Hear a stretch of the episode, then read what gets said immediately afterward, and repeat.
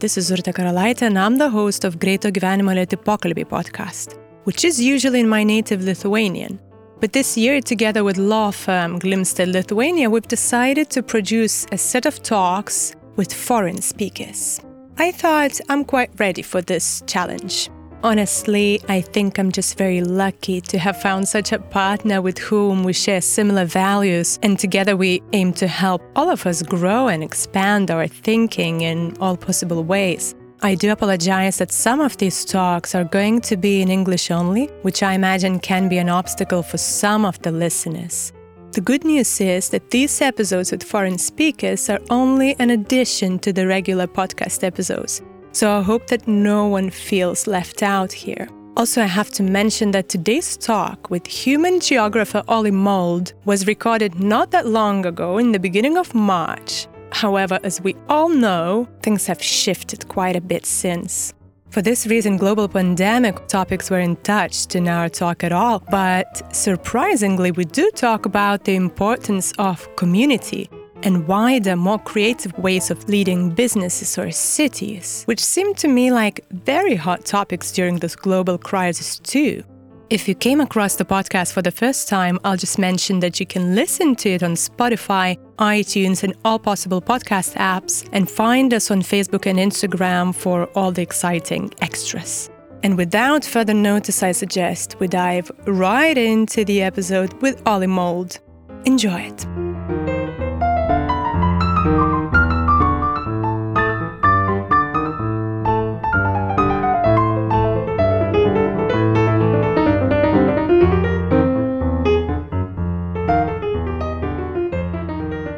So, Oli, it's great to have you here.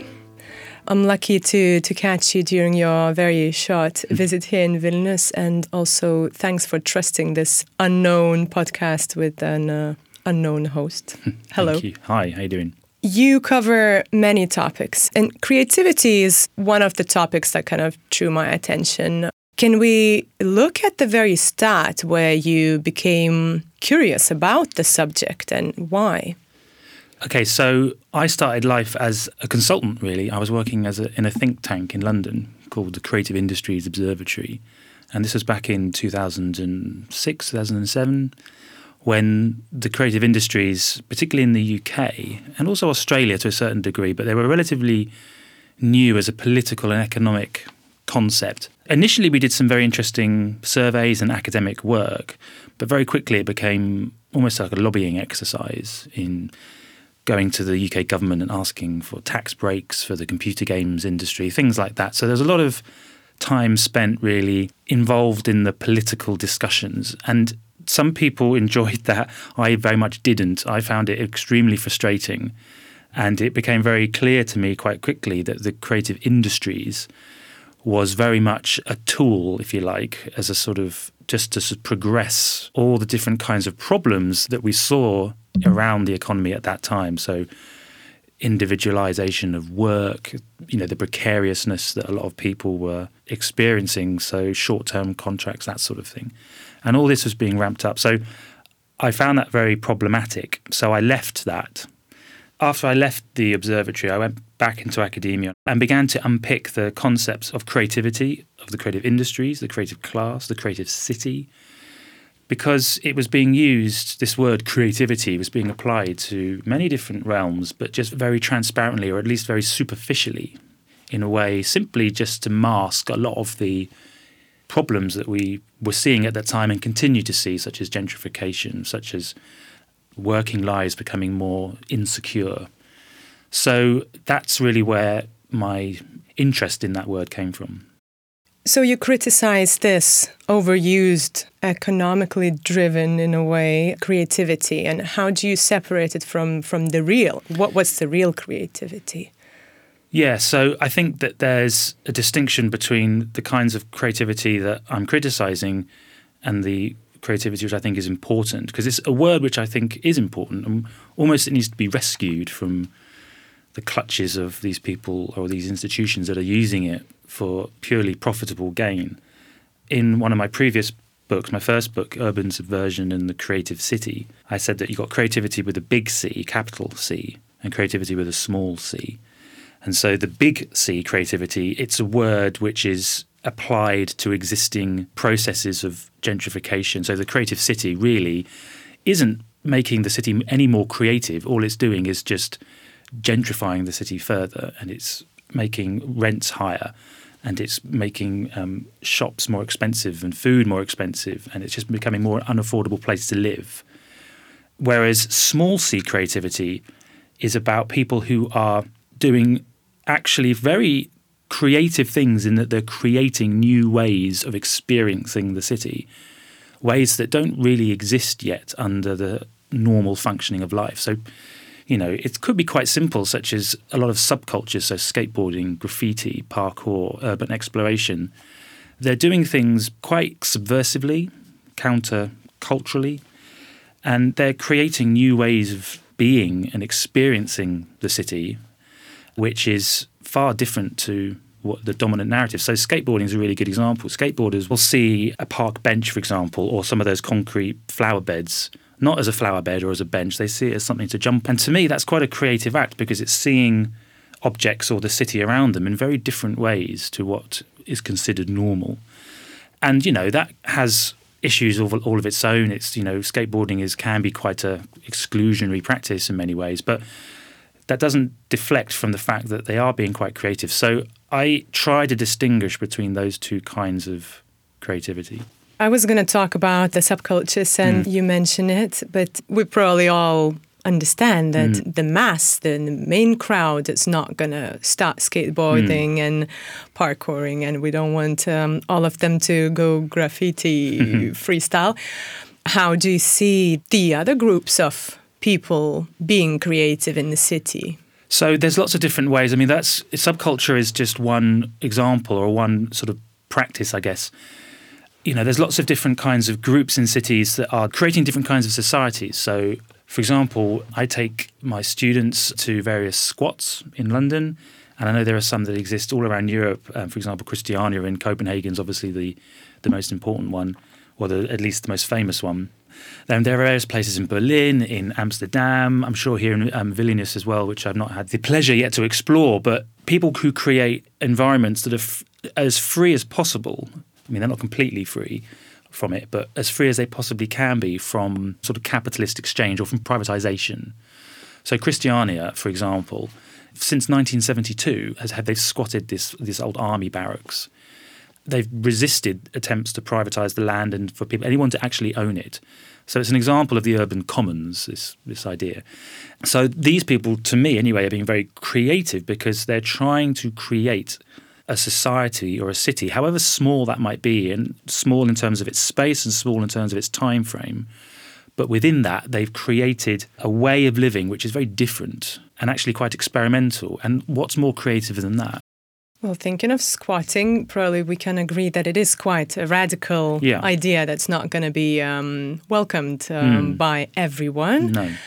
And of course, like on the other side of the barrier, all of the businesses and economy, money driven mm-hmm. institutions.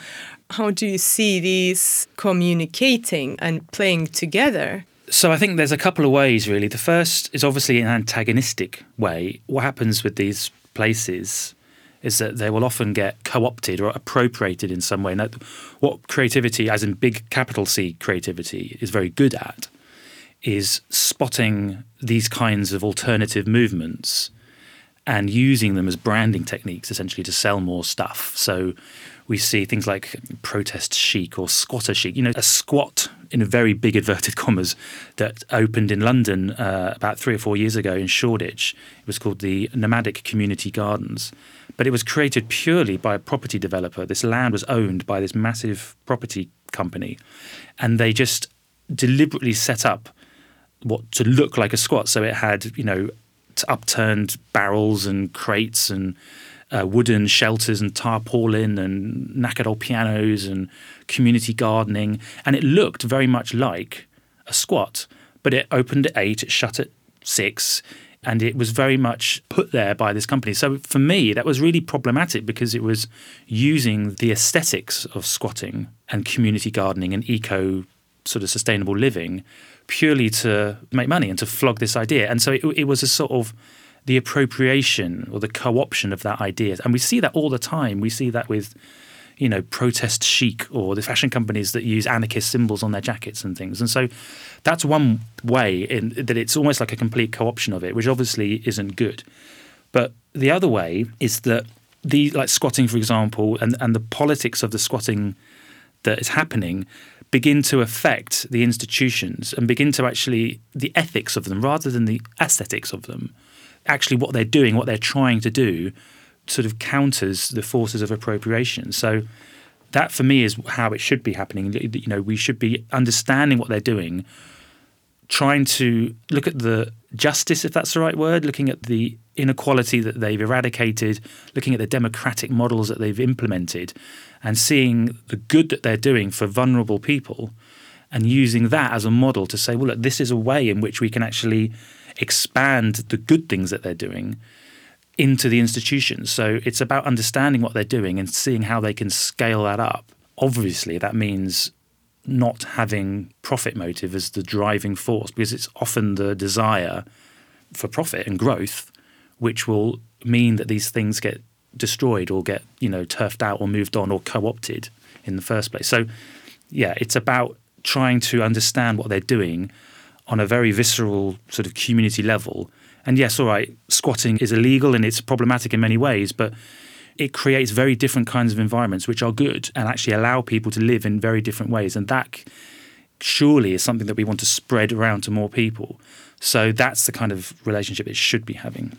Thinking of the new ways of being or creating new paths mm-hmm. as the only way of progress, I can't help but think of a human being with all of the complicated brain that we have mm-hmm. that we follow patterns and stereotypes and past experience are repeated constantly mm. and we're into habits and routines how can a human being actually be creative like going against oneself in a way I see what you mean. I think that all those things that you mentioned, the habits and, and, and routines and behaviors, they are part of our makeup, if you like, but actually they're very much part of our social conditioning. The routines exist purely because of the ways in which we habituate ourselves in life. There's no reason why we can't break out of those routines and, and change the way we do things. I mean, often we do. We often change the way that we routinize our day for, for the better. And I think that a lot of these habits are predicated upon the expectation that society, that the city, that our work life puts upon us. So these are socialized things like habits and routines. They're very much they're part of the, the social fabric. And I guess that's my point is that we can change that quite easily actually just by doing things differently, by looking at the city differently, by looking at skateboarders and going, oh yeah, look, they, or parkour people. There's a thing in parkour. They have this idea called parkour eyes. So if you do parkour for a bit, and you can train yourself to see the city differently, it's like that bit in the Matrix, you know, in the film when Neo suddenly sees the Matrix, everything is it's like that. You can see, oh wow, that's not a wall, that's something for me to jump on and, and, and I can move from that bit to that bit if I don't use that as something to park my bike as I can jump on it. So by using these alternative ways of behaving, we can change that sort of socialized behavior that we find ourselves in to find new ways of out of it. So yes, you're right, we are social creatures and creatures of habit, but we should be looking for ways out of that which is more complicated. Yes, absolutely. It's, yeah, it's it's difficult to do, and it requires a lot of energy and a lot of, you know, to break out of that routine is very difficult actually, and requires a great deal of energy, energy which has been sapped from us by that routine, which is increasingly difficult to do in many places. You know, paying the rent, paying the mortgage. Finding an extra job or whatever it is, that's tough and it's emotionally draining. And when you get home at night and you think, I've got no energy to go and help in the homeless shelter, or I've got no energy to go out and do some skateboarding. Or be creative. Or be creative. In it. Exactly. Mm-hmm. So modern life has sucked that out of us. So, yes, we have to change that and we have to give ourselves more energy. And that comes from changing institutions, changing systems, but also finding it collectively, finding it through solidarity. But if we can harness that energy and use it and direct it towards changing the unjust structures, then that is the most creative thing we can do. Thinking of that creative process and economy, yeah. the wealth, how can it actually serve the organic, sensitive, creative process? How could it help? Mm. not in the ways um, we talked about before, kind of manipulative, but how can it actually be useful? So I think that there's a really important idea which never really gets discussed, not really in political circles, and that's degrowth. Because a lot of these models, big C creativity, are predicated upon one ideal, and that's to grow. To grow your business, to grow your profit margins, to grow your city, to grow your school, whatever it is, to grow your house, grow your family it's all predicated upon the accumulation of more stuff because that's what we do. And so degrowth is an idea which I think, given the climate catastrophe we find ourselves in, it's an idea whose time has come. I think New Zealand have implemented degrowth as actually part of their political budget. So their budget is foregrounds things like well-being and sustainability as opposed to economic growth. So we can change the language we can change the political language, the economic language to foreground things like mental well-being or collective solidarity or um, ending homelessness or environmental sustainability rather than purely economic growth. Because people say, "Oh, we only want 2% a year." 2% a year in a decade is 20% that's another fifth of the world's resources gone and uh, you know that's we just don't have the time to do that so I think that if these institutions and you know making money and all that sort of stuff, it's what's got us into this problem in the first place. These institutions have a lot of power and they have a lot of ability to do things quickly. If there's a shift in the political will that says, right, okay, economic growth, we can we can think about that in a couple of decades' time once we get once we've sorted out the climate. Let's focus on well-being. Let's focus on sustainability. And if we do that, then a lot of these radical alternative practices like squatting, like skateboarding, like you know, eco communes suddenly don't feel that radical. They actually feel very, very mainstream. Now we can connect another topic that you talk about the harm of self interest mm-hmm. that you talked about uh-huh. yesterday in uh, your talk uh, at Rupert mm-hmm. here in Vilnius. What you talk about now mm-hmm the wealth trying to make money from mm-hmm. everything. There are human beings behind the companies, yeah. uh, clearly. Very straightforward. We live only once. Yeah. And that's the argument many people give, you know. Mm. Why do I need to look broader? Why do I need to think or do something for someone else? yeah, okay. So we, yeah, we do only live once, I guess, but we live for a long time and it should be within our, at least within our wheelhouse, to understand that if I maximize my enjoyment of that life, then many, many other people will suffer because of that. That in itself should be a sort of trigger to say, well, actually, then if my one life can be enjoyed the enjoyment you get from being able to share that with others is far better than the enjoyment that you get from hoarding it all for yourself, I would have thought. It's a mute argument, really, because it, you can't, with any kind of real justification, say that kind of, oh, well, why shouldn't I be able to accrue as much as I want? Because by doing that in a finite resourced world, that will clearly at the, at the detriment. I mean, I, there was a study done by the UN, I think, uh, the World Bank, and in the West, in the kind of in the developed countries, in their definition of developed countries, every person uses 1.7 times their input into the world, which means that people in the global south or the undeveloped world use only 0.3%. We're using far more than we're sort of giving back, if that makes sense. So that just can't continue. So, talking of society, there was one interesting thought that you kind of underline by Margaret Thatcher, who said that there is no society. Mm-hmm and you argue, mm-hmm. of course, what um, what she has said in eighty something. Mm-hmm. Why do you argue, and what is society? Mm-hmm. So Margaret Thatcher was the U- yeah the UK Prime Minister seventy nine to eighty something. 1990. And yeah, she, she famously said there is no such thing as society, only individuals and families. And I guess what she was really trying to do was to amplify the idea that in order to progress, we all need to act as self interested individuals. We all need to kind of maximize our own self interest. And if everybody did that, so the theory goes, if everybody did that, then there, we would reach some sort of equilibrium and everything would be nice and, and pleasant for everybody. Unfortunately, of course, that just doesn't, it doesn't, the world doesn't work that way. And, you know, it's been shown with increasing inequality that we see around us. So the idea of society, which she was critiquing, which Margaret Thatcher said, oh, there's no such thing as society, what she was really talking about was she said there's no such thing as the collective spirit. She's wrong. she was wrong. There is such a thing. She just didn't want it to exist because it didn't serve her philosophical purposes. There is such a thing as society. We are a collective species. We are a social being. And the society is that which we create by being together.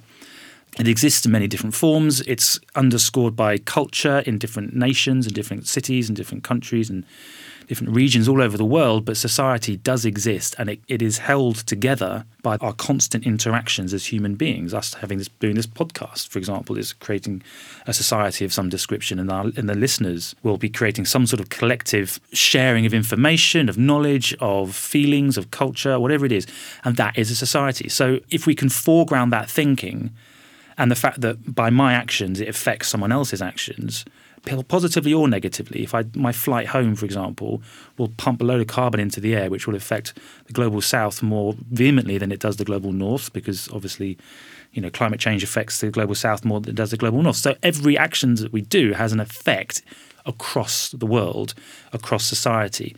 And we can't ignore that. And I think that people who try to bracket that off and say, oh, no, no, no, it's just individuals and families, it's a false distinction because it's manipulating our behavior in order to funnel wealth into the hands of a concentrated few. Now, thinking of uh, individual opinion and um, freedom of speech and opinion, can that exist in such a common society? Yes, I think it can. There's a couple of things here. The first thing to say is that you know to create a, a just society requires democratic engagement, which requires ev- you know the input of everybody, of all races, all creeds, all religions, all sexualities, all genders, everything. Clearly, there will be some people who will have very extreme views which aren't particularly pleasant, but they're, they're still people. I think it's the ideologies which don't require airing. So when people say freedom of speech, I think what they're really arguing is freedom to sort of amplify that speech into more and more realms of society. Karl Popper, who was a philosopher in the 20, 1920s, I think, argued that we have to be intolerant of tolerance because if you are tolerant to the extreme, then people who espouse extremely hateful things will be able to say that, oh, well, by shutting me down, you're being intolerant you know the Nazis did. They were sort of saying, "Well, no, no, you can't shut me down because you're being intolerant. We have to be tolerant of everybody, even if we have these kinds of views." And all of a sudden, you get to a point where you have to balance out these views, and we see it happening today with mainstream media saying, "Oh no, we have to have left views and right views." You know, just because someone is espousing really quite hateful ideology, it, it doesn't give them the right to sort of air that onto onto a mainstream platform freedom of speech is not the ability to sort of air that in, in institutional ways, be that a radio station or the BBC or CNN or whatever it is. That is not freedom of speech. That is the ability to infiltrate a media network. If someone wants to stand on a box in Hyde Park Corner and say it, then that we can't stop them because that's what the public is about. But that doesn't give them the right to go on the BBC and infiltrate those kinds of media narratives yes, these societies need that diversity of speech, but it also needs to have educational systems and mechanisms in place to say, well, look, if you're espousing an idea, if your freedom of speech has meant that you're saying an idea which means the destruction of that society, then we're not going to listen to you. And that needs to be defenestrated as quickly as it possibly can be.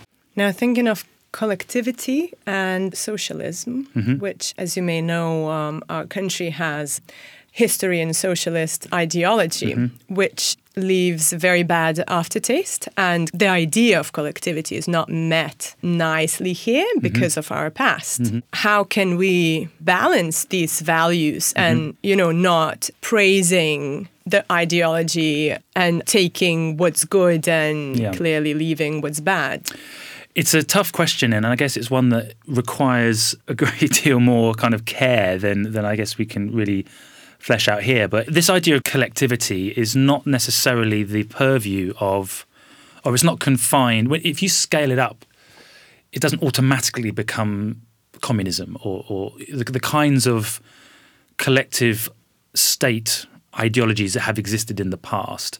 When I talk about creativity, this is exactly what I mean. It's because clearly that didn't work. Clearly that was horrific. It's because of the ways in which that developed with the kind of particular nodes of self interest infiltrating that kind of collective thinking. When I talk about let's try and create a, a, new structure or a new way of organizing society, which is outside of those kinds of injustices. It's outside of capitalism, it's outside of communism, it's outside of socialism, it's outside. We have to experiment with these ways because, yes, communism and all the kind of histories that that involved was horrible. But at the same time, what we've created in it instead, sort of rapacious neoliberal capitalism, you know, has different kinds of injustices. They might not be as they might not be as stark or they might not be as violent, but they're certainly there with climate catastrophe, which has been completely the fault of a capitalist way of life. The fact that we've got mental health epidemics, the fact that we've got obesity and starvation crises across the world at the same time. I mean, surely that's can be eradicated pretty quick. You know, the coronavirus, even, you know, there's lots of different kinds of ills that have been loose on the world by us having that kind of system. So there has to be some other way. There has to be some sort of, and there are there are pockets of this. So, like I say, all these the idea of the commons is one that's been around for centuries. The commons is not communism. It's a very different kind of thinking. It's still collective, and it still admonishes self-interest, but it's a very different way of thinking.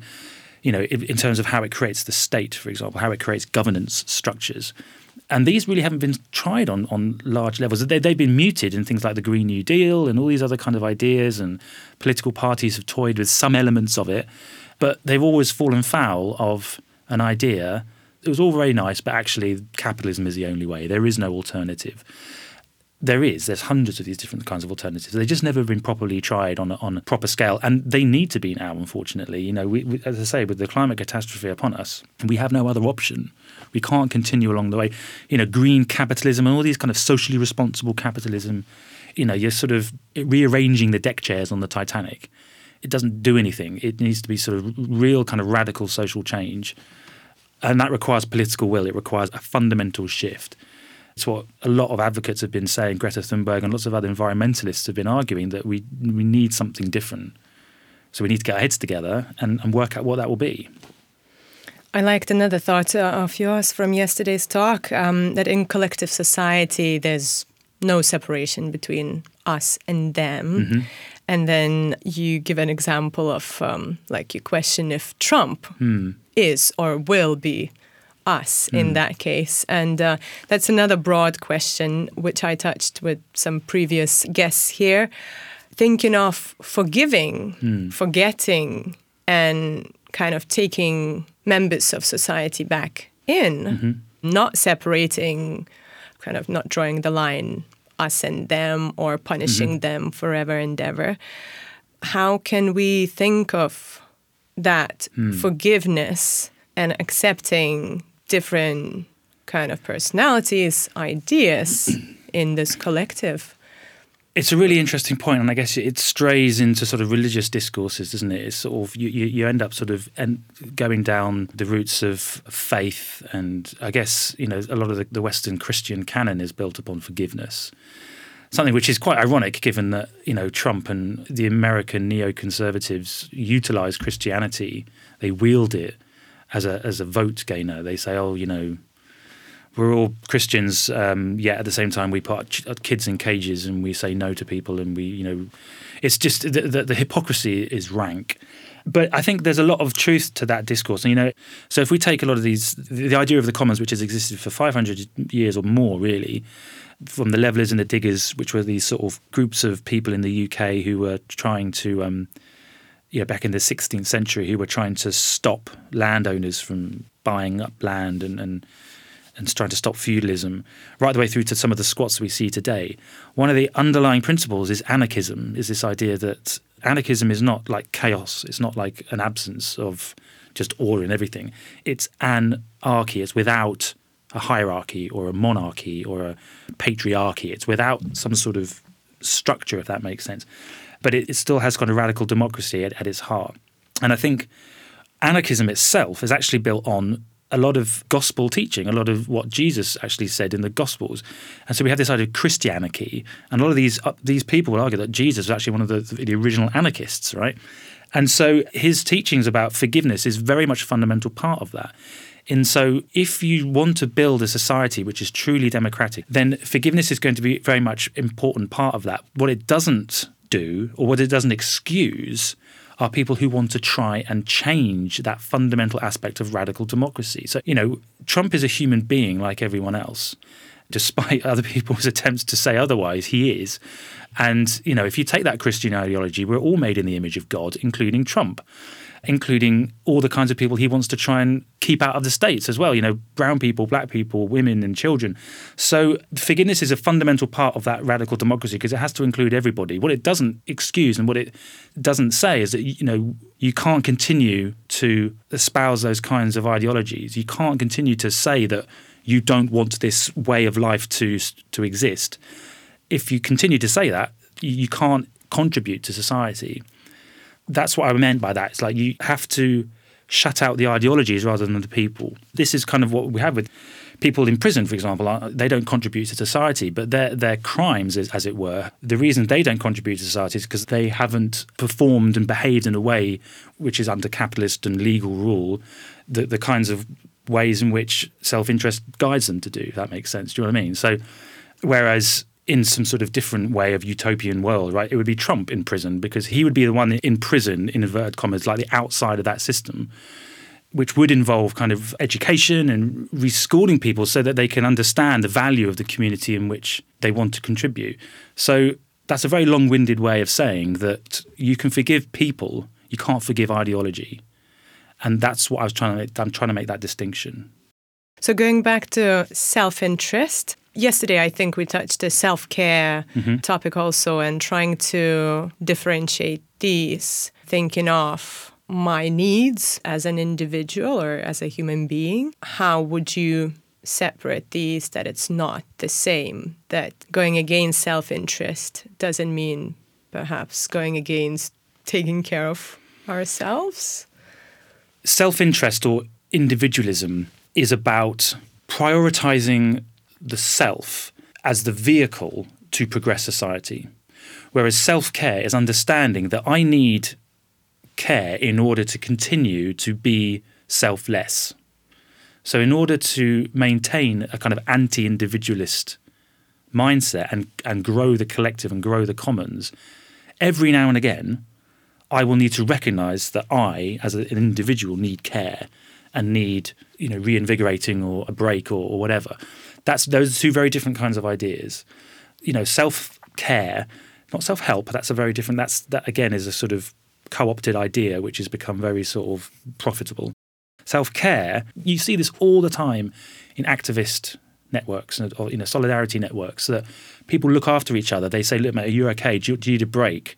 Like you look, you're looking really burnt out. You're getting really snappy. Go go back home for a week. Go for a walk or go for a run or, or do something." They're doing that to look after themselves so that they can take a breath, take a, and then carry on doing what they want to do.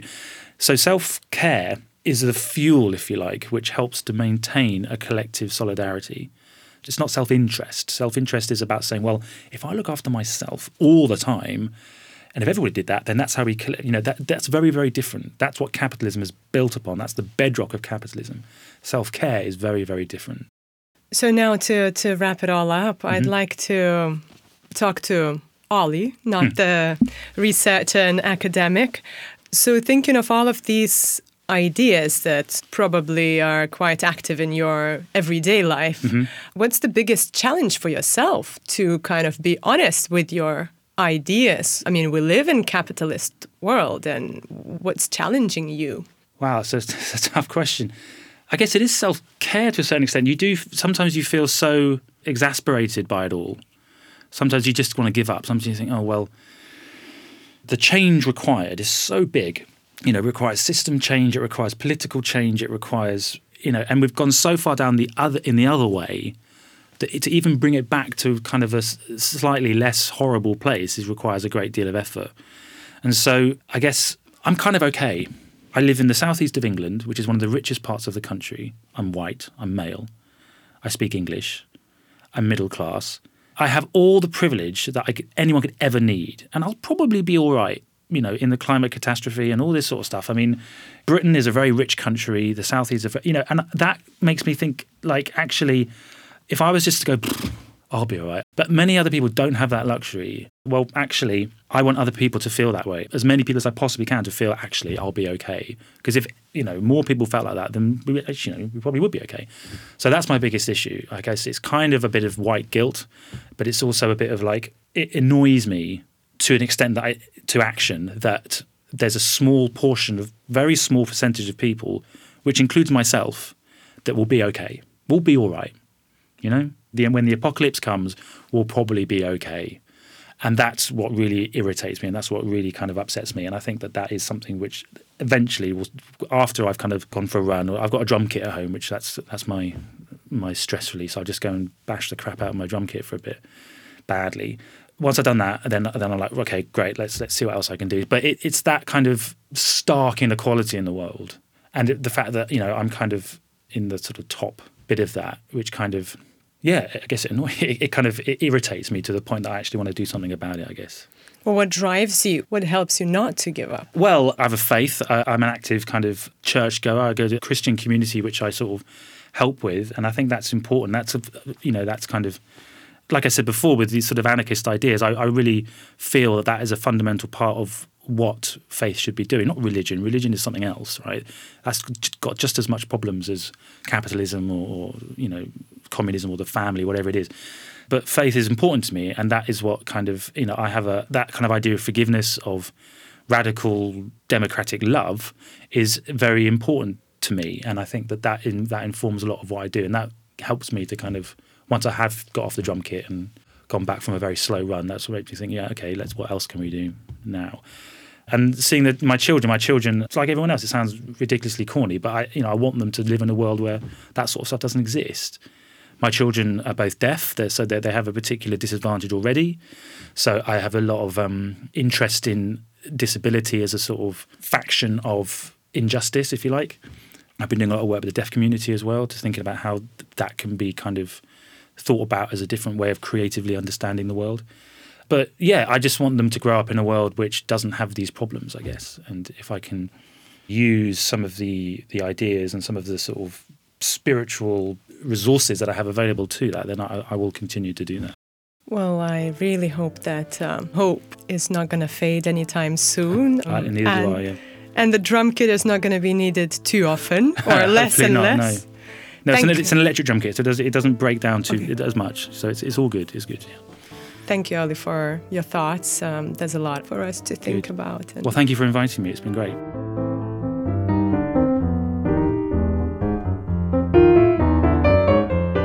Thank you for listening. I do hope that brave and sometimes a little radical Oli's ideas will invite you for a valuable discussion.